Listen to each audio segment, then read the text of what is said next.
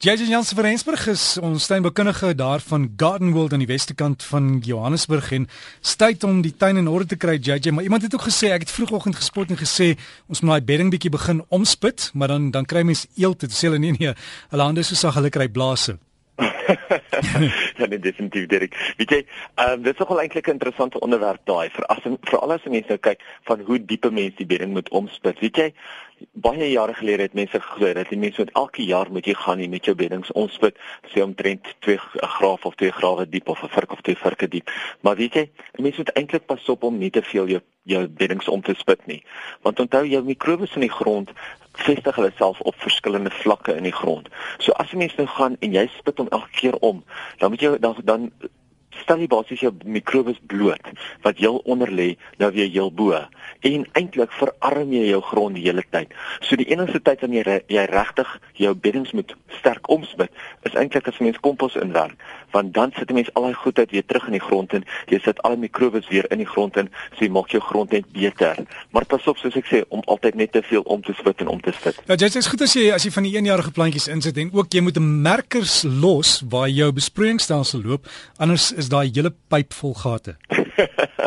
ja nee, definitief. Dit is eintlik baie um, baie moeilik baie keer vir al die mense in 'n nuwe huis intrek en jy weet nie altyd waar daai pype is nie. Jy weet, so ek sê altyd as sodra mense met 'n nuwe bedding begin of sodra mense wil begin spit of so, vind dit eers daai pype. Gaan net nader aan die spreiers. Kyk net eers dat jy daai pype in die hande kry, dan weet jy of watter vlak hulle lê, in watter rigting hulle loop, waar hulle is ensovoorts. Jy weet, dan maak dit natuurlik baie makliker. En baie keer, ek meen ek kry gereeld mense vir my sê hulle besproeiing se koppies uh, uh, gaan die hele tyd toe of hulle word die hele tyd geblok en dan kom jy agter maar daar's verskriklik baie gate wat aan die pype gedruk is en natuurlik gaan die grond in die gate en hulle kom in die besproeiingskoppies. Ja, en JJ, nee, mense mense mense is ook uh, te lui om daai filtreerstelsel aan tussen die kry mos jy met in die in die tuinslang inpas. Dis uh, wat wat net seker maak hy vang al die kalkstukkies op. Maar JJ, wat kan ons hierdie tyd van die jaar in die tuin doen? Wel hierdie week het ek iemand gehad wat vir my gebel het en gesê het sy suurlemoenboom se blare val net af. Wat is die probleem? En hulle bly in 'n area waar daar waar die grond baie kleierig is. En toe sê ek vra vir hom, hoe lyk sy grond? Hy sê nee, dit is baie kleierig. Ek vra vir hom hoe gereeld gooi hy nat. Sê nee, hy gooi redelik gereeld nat. En Nou moet jy onthou dat as jy klei grond het en jy gooi gereeld nat, logies gaan jou suurlemoenboom hierdie tyd van die jaar nie so baie groei nie, hy gaan nie so baie water verloor nie.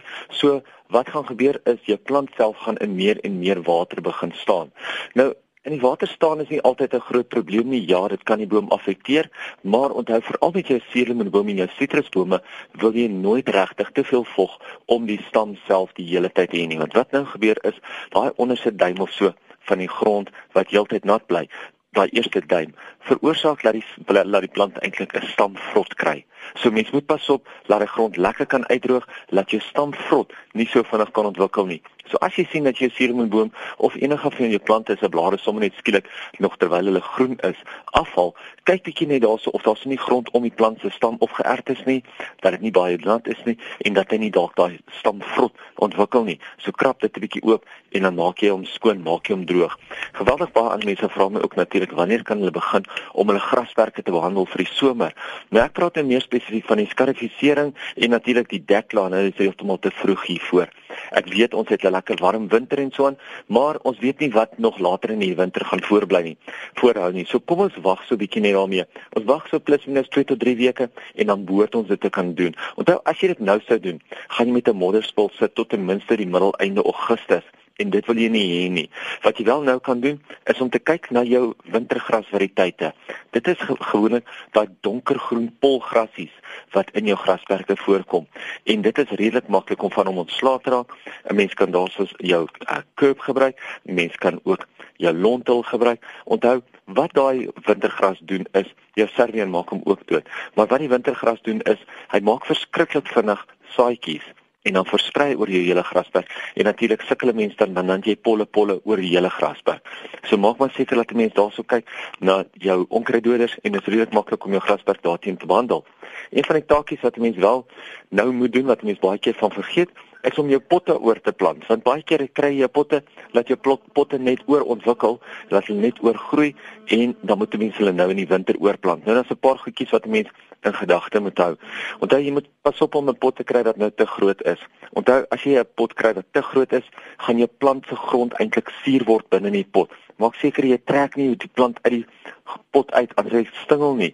Jy moet lekker letterlik daai plant net oplig en maak seker dat jy die plant se oriëntasie dieselfde hou as die mense om oorplant.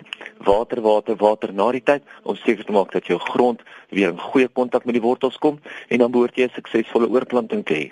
So JJ en gepraat van die oorplanting, iemand vra die broodbome die die sikadees kan jy hulle oorplant?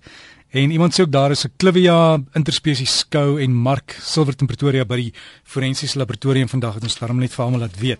Maar kan kan nie daai kan nie daai broodbome in hierdie tyd van die jaar oorplant? Broodbome kan hierdie tyd van die jaar oorgeplant word. Dit is eintlik die beste tyd om hulle oor te plant want dan is jou plante dormant.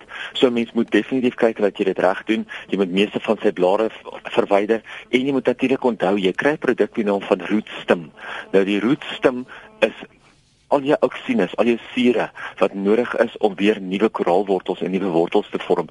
So as jou plant enigstens onder stres ingaan met oorplanting en so aan, kry jy rustem en gooi jou plant nat. Ons sê JJ, nou sal nie weet nie met hulle jou maar net e-pos en vra. Hulle kan my e-pos en vra en natuurlik moet ek net vinnig noem dat ons skoutuine begin hierdie Vrydag wat nou kom. So ons Chelsea blomme uitstalling, die manne is hard besig om daarso te bou. Ons kan nie wag vir dit om klaar te wees nie, maar alles gaan Vrydag oopmaak uh en dan gaan ons natuurlik die skou gaan aanwees tot met die 1 September en die Chelsea blommeskou uitstalling gaan nie wees tot met die 21ste Augustus. So vir die van julle wat hom altyd wil sien, daai SA Customers, dit is natuurlik ons 33ste goue medalje wat hier by ons op die oomblik is. So natuurlik as jy wil kom loer van hierdie naweek af wat nou kom. So gesels JJ Jansen van Rensburg en as jy inligting nodig het gardenworld.co.za. Anders e-pos vir JJ is JJ by gardenworld.co.za. JJ by gardenworld.co.za.